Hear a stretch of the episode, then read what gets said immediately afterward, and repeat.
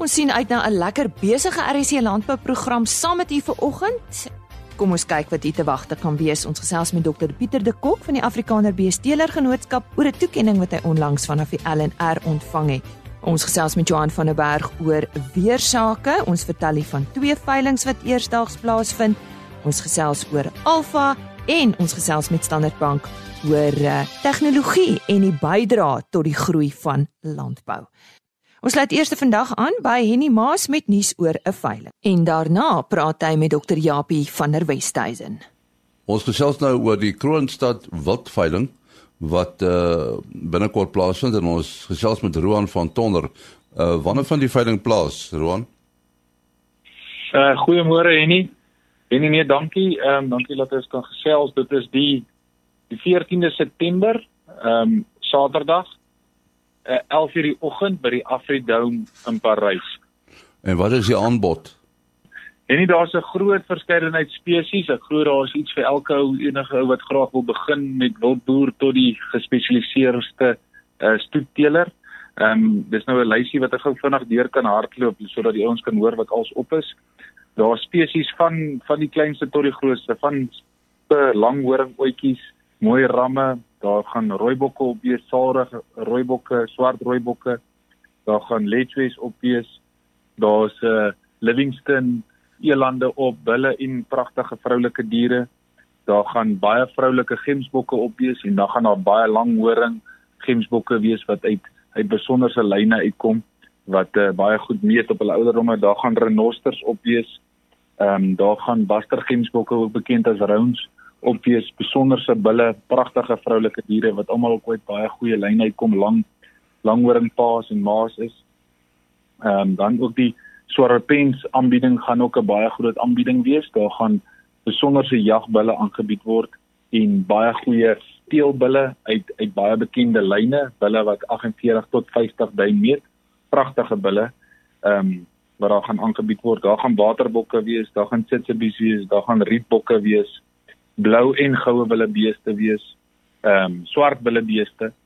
En uh, dan natuurlik, moet ons nie vergeet van die groot ding is die is die buffels wat daar gaan wees. Ons het 'n besonderse aanbieding hierdie jaar van buffels van ons hele groep uh vroulike diere verse van oor die 30 duim wat uit uit langhoring of wye horing koeie en en en koeie paas uitkom en dan natuurlik is daar 50 duim buffel bil menake ook op wat ek glo een van die hoogtepunte van die veiling sal wees.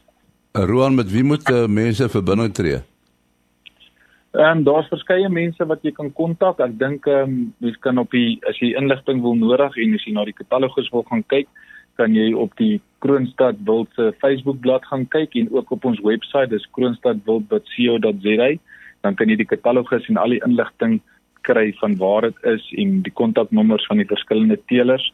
En uh, wat ek ook net wil by sê, ehm um, wat belangrik is van ons veiling, ons het 'n gratis versekerings ehm um, is ingesluit op al die lotte en daar is ook 'n uh, vervoer uh, ingesluit ehm um, op die, op al die op al die diere.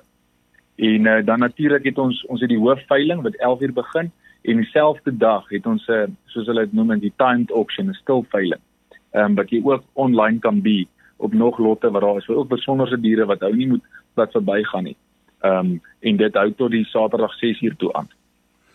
Nou ja, ons sê baie dankie aan uh, Roan van Tonder wat gesels het oor daai veiling wat op die 14de September by die Afridome in Parys plaasvind. Dit is die Kroonstad Wildveiling. En uh, soos ek gesê het, dit was Roan van Tonder. Dr. Uh, Jappie van der Westhuizen is die hoofbestuurder van Stambok Suid-Afrika en uh, Stambok Suid-Afrika gaan ook natuurlik betrokke wees by Alpha wat uh, binnekort uh, aan die gang is.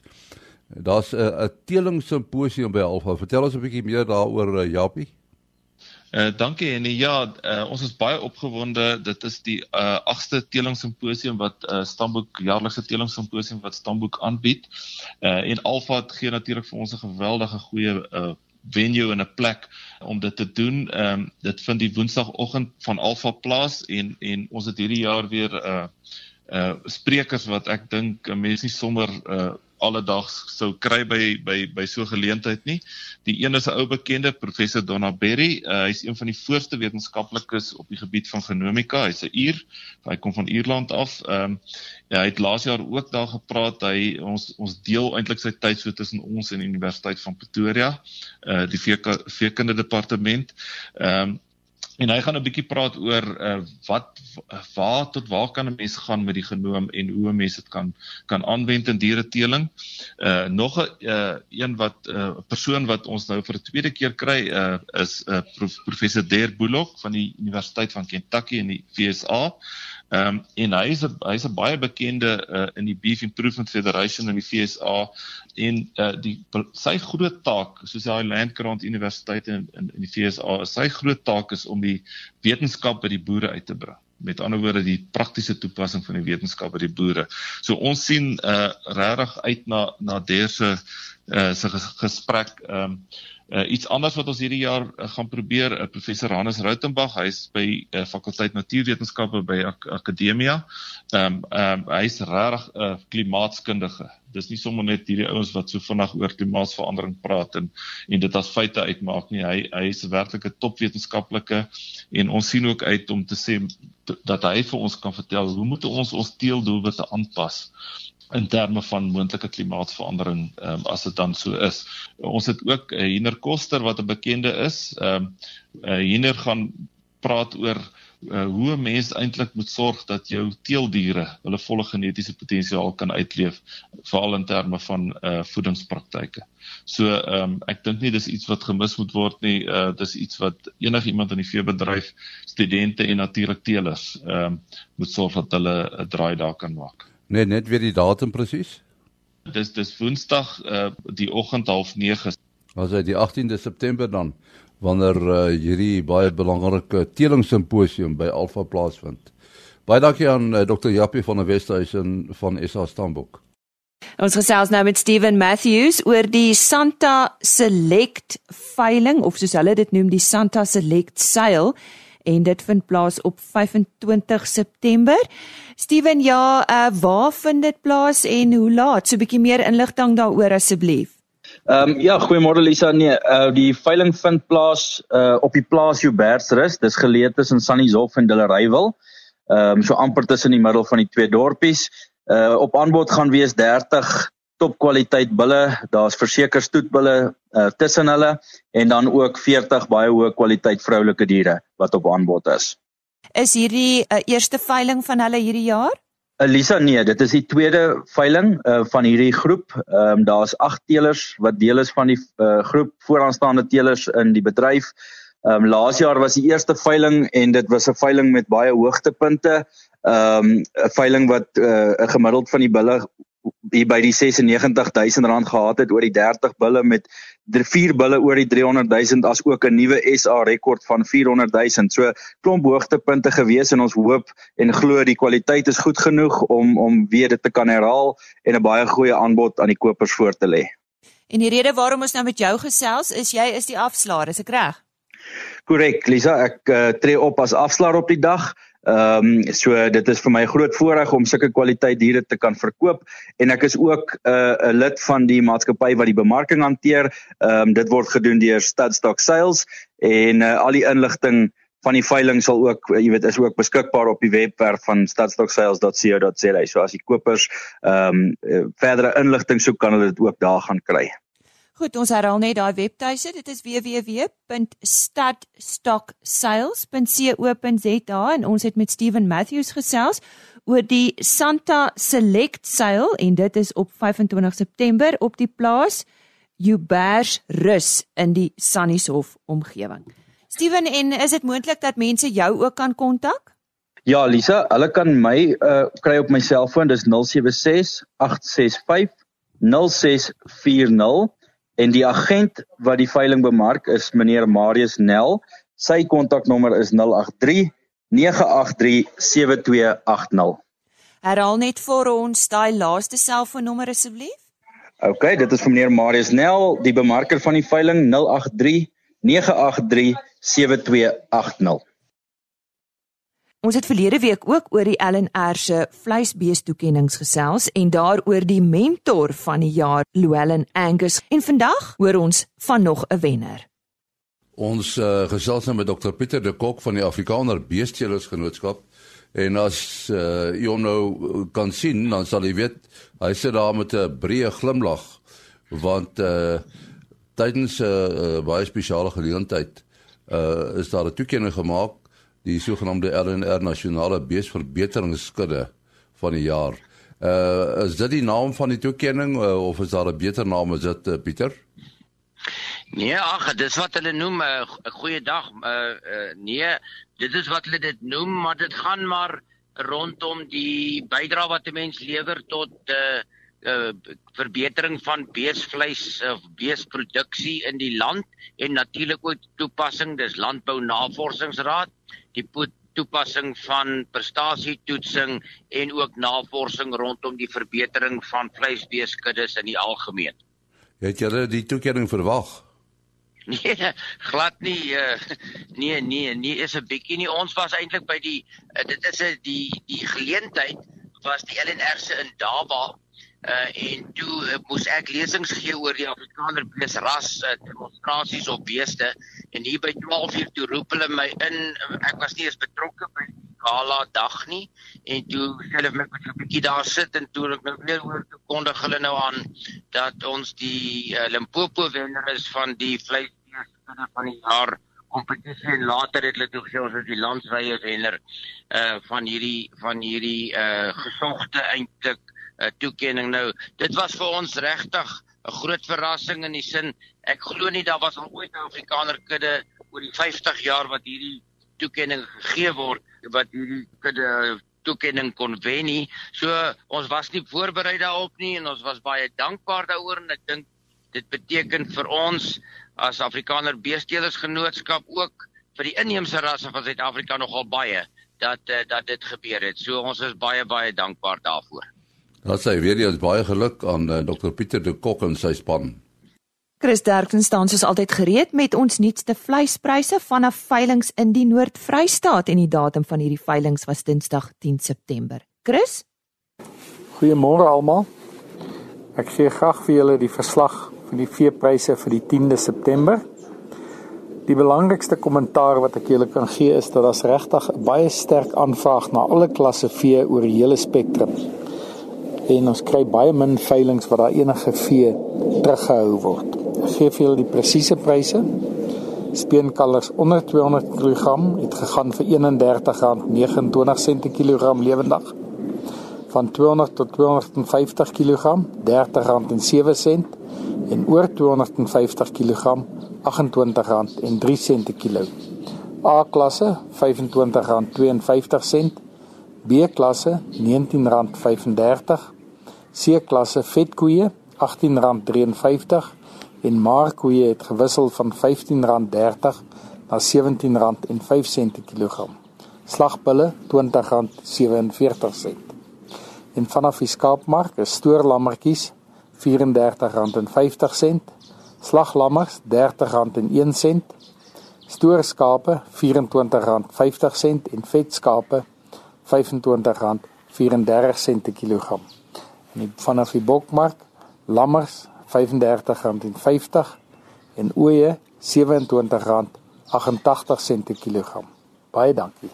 Ons sê dankie aan Chris Derksen en hulle webtuiste is www.vleisprys.co.za. Tegnologie en landbou loop deesdae hand aan hand en dis juis waaroor ons nou gesels met MC Look van Standard Bank. MC, watter bydrae het tegnologie die afgelope 10 jaar tot die landbousektor se groei gehad? Goeiemôre. Môre Lize. Uh tegnologie het beslis 'n groot invloed uh en 'n groot bydrae gehad tot die doeltreffendheid van die landbousektor, veral in die velde van saadverbetering, genetika en inligtingstegnologie. Jy weet vandag gebruik ons net 'n 3 kwart van die oppervlakte om dieselfde hoeveelheid mielies te produseer as wat ons 30 jaar gelede geproduseer het. Uh in die braaikuikenbedryf byvoorbeeld het die voeromsettingsverhouding verbeter van 2 kg voer om, om 1 kg hoendervleis te produseer in die jaar 2000 tot tans uh, waar ons slegs so 1,5 kg voer per kilogram vleisproduksie gebruik. maar dit is op die op die gebied van inligtingstegnologie waar ons oor die afgelope 10 jaar seker die grootste ontwrigting ervaar het. Um as dit kom uh, by die koms van slimfone, uh die internet en e-pos. In die ou dae het jy voorliggingsbeampte gehad na wie jy jou navraag kon rig, maar vandag sit jy met al daai inligting in die palm van jou hand en dis beskikbaar op jou slimfoon.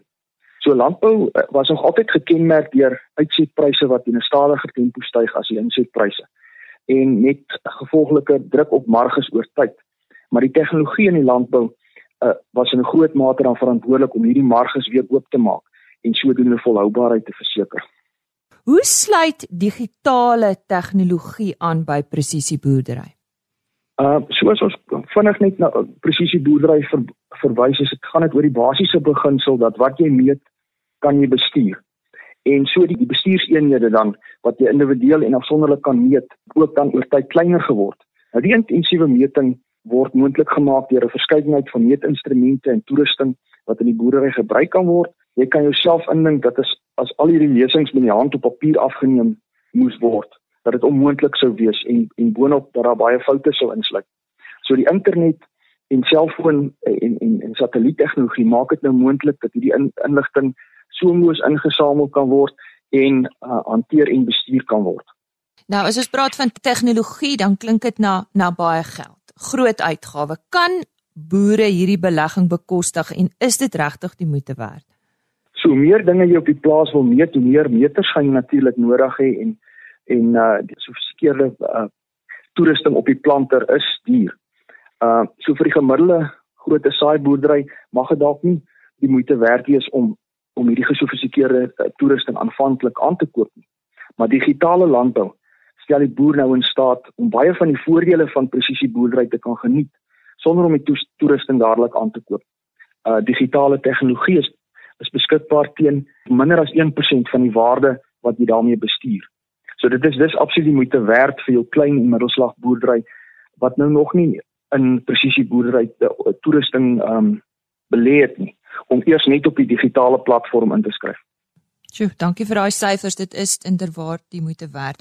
Hoe dra digitale tegnologie werklik by tot produktiwiteit in landbou MC?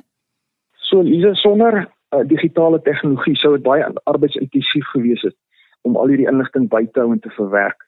Dit sou ons nie die volle voordeel van presisieboerdery kon ontgin sonder die ondersteuning van die digitale tegnologie nie. Byvoorbeeld 'n land is 'n dinamiese omgewing en die, die toestande verander van seisoen tot seisoen in terme van die grondvrugbaarheid, die potensiaal, maar ook uh, gegeewe die klimaatstoestande en die gewasse wat geplant word. Nou die tegnologie hou landinligting op datum soos veranderinge voorkom en soos nuwe inligting bekend word. Digitale uh, tegnologie skep ook 'n platform vir die daarstelling en opbou van landinligting wat meestal in die boer se kop leef en oor jare se ondervinding opgebou is jy weet of is inligting wat oor 10 jaar of wat 10 jaar gelede by die uh, op 'n gelamineerde kaart vasgelees um, en en nou alreeds verander het. Met ander woorde dit dit gaan oor die dinamika van die van die landinligting. Nou toegang tot die inligting kan nou deur die boer beheer word en so kan hy aan insetverskaffers en versekerings die landinligting beskikbaar stel waarvolgens hulle dan kwotasies kan uitreik. En dit plaas die boer dan in 'n baie meer mededingende posisie rondom sy landinligting. Ons gesels oor afstandswaarneming. Hoe dra dit by tot vooruitgang en ontwikkeling? Om gereeld in die land te kom is is soms nie moontlik nie. In in, in die landwaarnemings word dikwels beperk uh tot net langs die toegangsroetes daar waar die boer uh, toegang kry tot die land of daar waar die gewasse wele groei en waar die boer hou daarvan om te kom en 'n groot boerdery word die funksie uh, waarskynlik gedelegeer aan 'n plaasbestuurder of iemand anders in die boerdery uh, wat dit nie al altyd na behore doen nie. Nou afstandwaarneming is 'n satellietbeeld wat met 'n optiese kamera geneem word en wat dan 'n indeks weergee van die verhouding van die gewas tot die grond. Hulle noem dit 'n genormaliseerde verskil in plante groei indeks of in Engels praat ons van 'n NDVI. Nou, uh sodra die blare dak van die plante dan nou die grond totaal bedek het, dan word die vegetatiewe aktiwiteit verder uh bepaal deur die konsentrasie klorofil en dit word daardeur gemeet. So so die satellietbeeld wys dan die variasie in biomassa op die land uit. Ehm um, deur die verskil in satellietbeelde dan te ontleed kan bepaal word watter dele van die land die plante uh meer stres ervaar as ander. Nou dit beteken nie dat ons nou glad nie meer in die land hoef te kom nie, want dit wys nou vir ons waar die fisiese waarnemings gedoen moet word ten einde die oorsaak van die probleem te identifiseer. En slegs dan kan bepaal word of iets aan die probleem gedoen kan word. Jy weet, partymal kan daar 'n bespuiting gedoen word, maar anders kere is dit grondprobleme wat eers na die seisoen reggestel kan word. Maar die tegnologie is dan baie kragtig as die NDVI satellietbeeld met die lokale weerdata gekombineer word in 'n algoritme om 'n oeskatting te maak. Die die hierdie tegnologie is baie kragtig waar die NDVI satellietbeelde met die lokale weerdata gekombineer word in 'n algoritme om 'n om 'n oeskatting te maak. Ehm um, hierdeur kan die impak van die aktiwiteite op die land sowel as die weer ehm um, op die ehm um, uiteindelike oes uh, opbrengs gekwantifiseer word. So al die aktiwiteite wat jy op die land gedoen het, word dan op die oomblik gemeet in terme van die oes opbrengs. MC Standard Bank het onlangs belê in innovasie om nuwe data te lewer deur die gebruik van afstandswaarnemingstegnologie en digitale landboukunde. Vertel ons bietjie meer hiervan. Uh die belegging in innovasie spruit voort uit Standard Bank se verbintenis om ons boerdery kliënte voor te berei vir 'n digitale toekoms. En dit stel aan digitale hulpmiddels beskikbaar aan die boer om die risiko in sy eie onderneming beter te bestuur. Met afstandwaarneming kan boere dan data insamel wat 'n onafhanklike oorsig van die bedrywighede op die grond bied. Uh, en waarna waarna die bank dan kan verwys indien hy sou oorweeg om die boer te finansier. So dit gee vir ons 'n baie diep insig in die tegniese kant van die boerdery. Die gebruik van afstandwaarnemingstegnologie stel Standard Bank dan ook in staat om die risiko's verbonde aan finansiering van gewasverbouing beter te bestuur en dit te waag in markte waarin hulle voorheen ehm um, miskien nie 'n risiko aptyd gehad het nie. So dit maak vir ons besigheid sin. Van julle kant af bied julle kantoor aan boere. Wat is kantoor en hoe werk dit? Kantoor is 'n internetgebaseerde platform vir rekenaars en dit word ondersteun deur 'n toepassing vir slimfone. En dit bevat al die presisie boerdery gereedskap wat nodig is vir afstandwaarneming. Jy weet soos byvoorbeeld van uh, landkartering, landidentifikasie, akkerboubeplanning en aantekeninge, sowel as die allocasie van gewasse en insette. Nou indien die NDVI beelde dan op 'n weeklikse basis beskikbaar gestel word, dan kan dit maklik beoordeel word aan die hand van 'n verkeersligstelsel wat groen wys hoë biomassa lesings, geel lae biomassa lesings en dan rooi is daar geen biomassa lesings en dis dan gewoonlik die die probleemareas. Nou daar is twee dienste wat wat Reza ehm um, aanbied en die, die digitale opsie sal die kliënt in staat om die inligting te gebruik om gewasse dan te monitor en areas met lae verwagte opbrengs te identifiseer. Die huidige weerstoestande kan ook vergelyk word met vorige jare se se weer en daar's ook 'n weervoorspelling van omtrent 9 dae wat kan ehm um, help om met die besluit om op oor die optimale planttyd sowel as wanneer uh, onkruiddoders en en plaagdoders toegedien moet word. Dan is daar ook 'n presisie opsie wat voorsiening maak vir grondontledings en sonering uh, volgens potensiaal en dit kan gebruik word om dan die saad en bemestingsvoorskrifte volgens die potensiaalsone te genereer. Um, en hierdie inligting kan dan net so in 'n presisieboerdery oorgedra word na die planter. Standard Bank bied ook Grit. Nou dis 'n digitale diens vir diegene wat besigheidsontwikkelingsondersteuning bied en vir die boere met wie hulle wil saamwerk. Vertel ons bietjie meer daarvan. Goed, so Grit bevat al die inligting soortgelyk aan die digitale opsie van kontoor wat ons nou net bespreek het.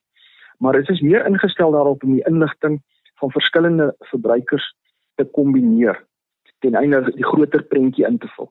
So die portefeulje kan dan ontleed word met betrekking tot die insette gebruik, die totale aantal hektaar onder 'n bepaalde gewas, uh, sowel as die beraming van die totale aantal tonne wat verwag word.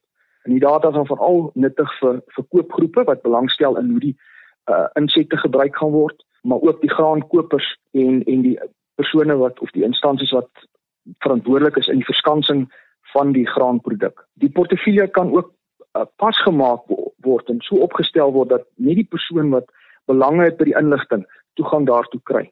En die funksie is dan baie nuttig vir jou besigheidsondersteuningsinstansies waar 'n verteenwoordiger of 'n mentor oorsig oor 'n paar uh, individuele boere moet uitoefen. Nou ja, dit was dan MC Look van Standard Bank en indien jy graag meer inligting wil hê oor dit waarvan hy gepraat het, eh, kontak gerus jou adviseur of besoek die volgende webtuiste: www.rizaafrica.com en Riza word gespel R H I Z A africa.com. So daar's twee A's in daardie webtuiste. Ons sluit vandag se program af met weer sake. Ons uh, gesels nou met Jan van der Berg van Santam Landbou natuurlik oor die weer. Uh Jan, ons is nou in 'n uh, oorgangsstadium nog van die uh winter na die uh, lente toe. Ons is amptelik uh, verby lentedag. Hoe lyk die stelsels vir jou? Ja, net om miskien te begin sê van winter na lente toe. Ehm um, ek dink nog nie ons moet van regtig somer begin praat uh as ons kyk na die veral die nagtemperature nie want dit bly nog maar laag. Ons het die laaste klompie nagte het ons nog ryp toestande of uh, temperature onder 0 grade gehad uh oor gedeeltes van die Vrystaat en verder suide kant toe. En dan uh is daar ook 'n koue front wat weer deurgekom het uh met redelike temperatuurdalings.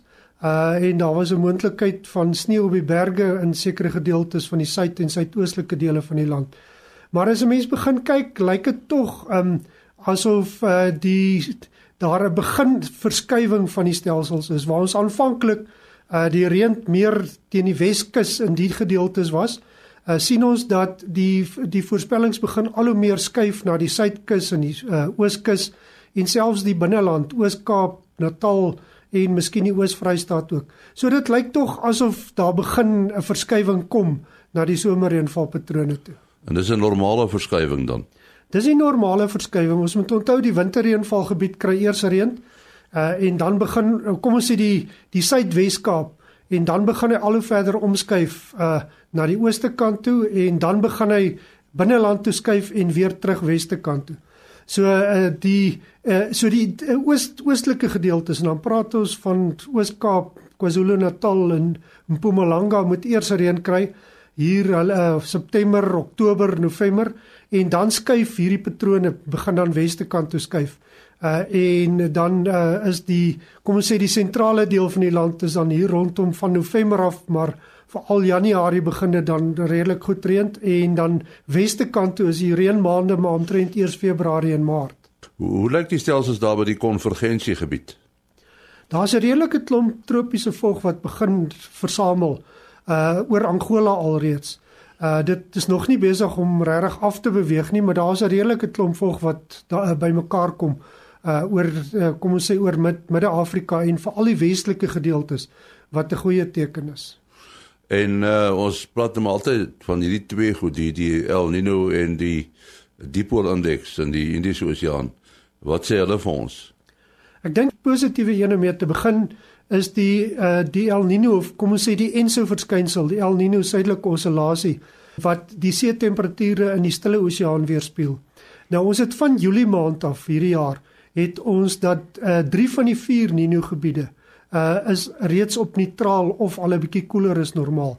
Dis net die sogenaamde Niño 4 gebied naas of wat die naaste aan Australië is wat nog 'n bietjie warmer is. En dit lyk asof uh hierdie tendens gaan voortduur dit lyk nie of dit gaan afkoel na La Nina vlakke toe nie, maar dit lyk ten minste of ons neutrale toestande behoort te kry wat eintlik redelik positief is uh vir reënval oor die somerreënval gebied, maar dan meer oor die mid na laat somer gedeelte toe. As ons na die Indiese Oseaan kyk, is dit 'n bietjie ongunstig. Uh op hierdie stadium is dit 'n positiewe indeks uh wat sê die uh die kusgebied of die uh oseaan gedeeltes naaste aan die Afrika kontinent is warmer as na Australië se kant toe. Uh wat 'n bietjie ongunstig is. Dis nog nie vir hierdie tyd van die jaar nie want dit is nie warm die see temperature is warmer as normaal, maar is nog nie so warm dat dit gaan siklone en die goed veroorsaak nie, maar dit kan tog die posisie van die uh van van ons stelsels beïnvloed. So die een is uh, redelik kom ons sê neutraal tot positief en die ander bietjie negatief, maar ook as 'n mens gaan begin kyk, lyk dit tog asof ons baie naby aan die draai van ons droë siklus is wat ons al hier van omtrent 2012 oor groot gedeeltes ervaar het. En uh as ons nou ook kyk wat hier na April, Mei maand gebeur het oor die land, is dat 'n groot deel van die land het baie goeie reën gekry alreeds hier in April, Mei maand. Uh, en die mens kan sê daai gedeeltes is uit die droogtes uit. Daar moet nou nog reën kom, maar dit lyk tog asof hier 'n normale patroon begin ontwikkel waar die ooste kant van die land uh, alreeds goeie reën gekry het en dit behoort weste kant toe te skuif. En die maas daar gesprek met Johan van der Berg van Santam Landbou.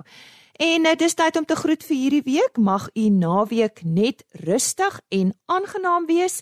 Tot maandagooggend dan. Totsiens. RSG Landbou is 'n produksie van Plaas Media. Produksieregisseur Henny Maas. Aanbieding Lisa Roberts. En inhoudskoördineerder Jolandi Root.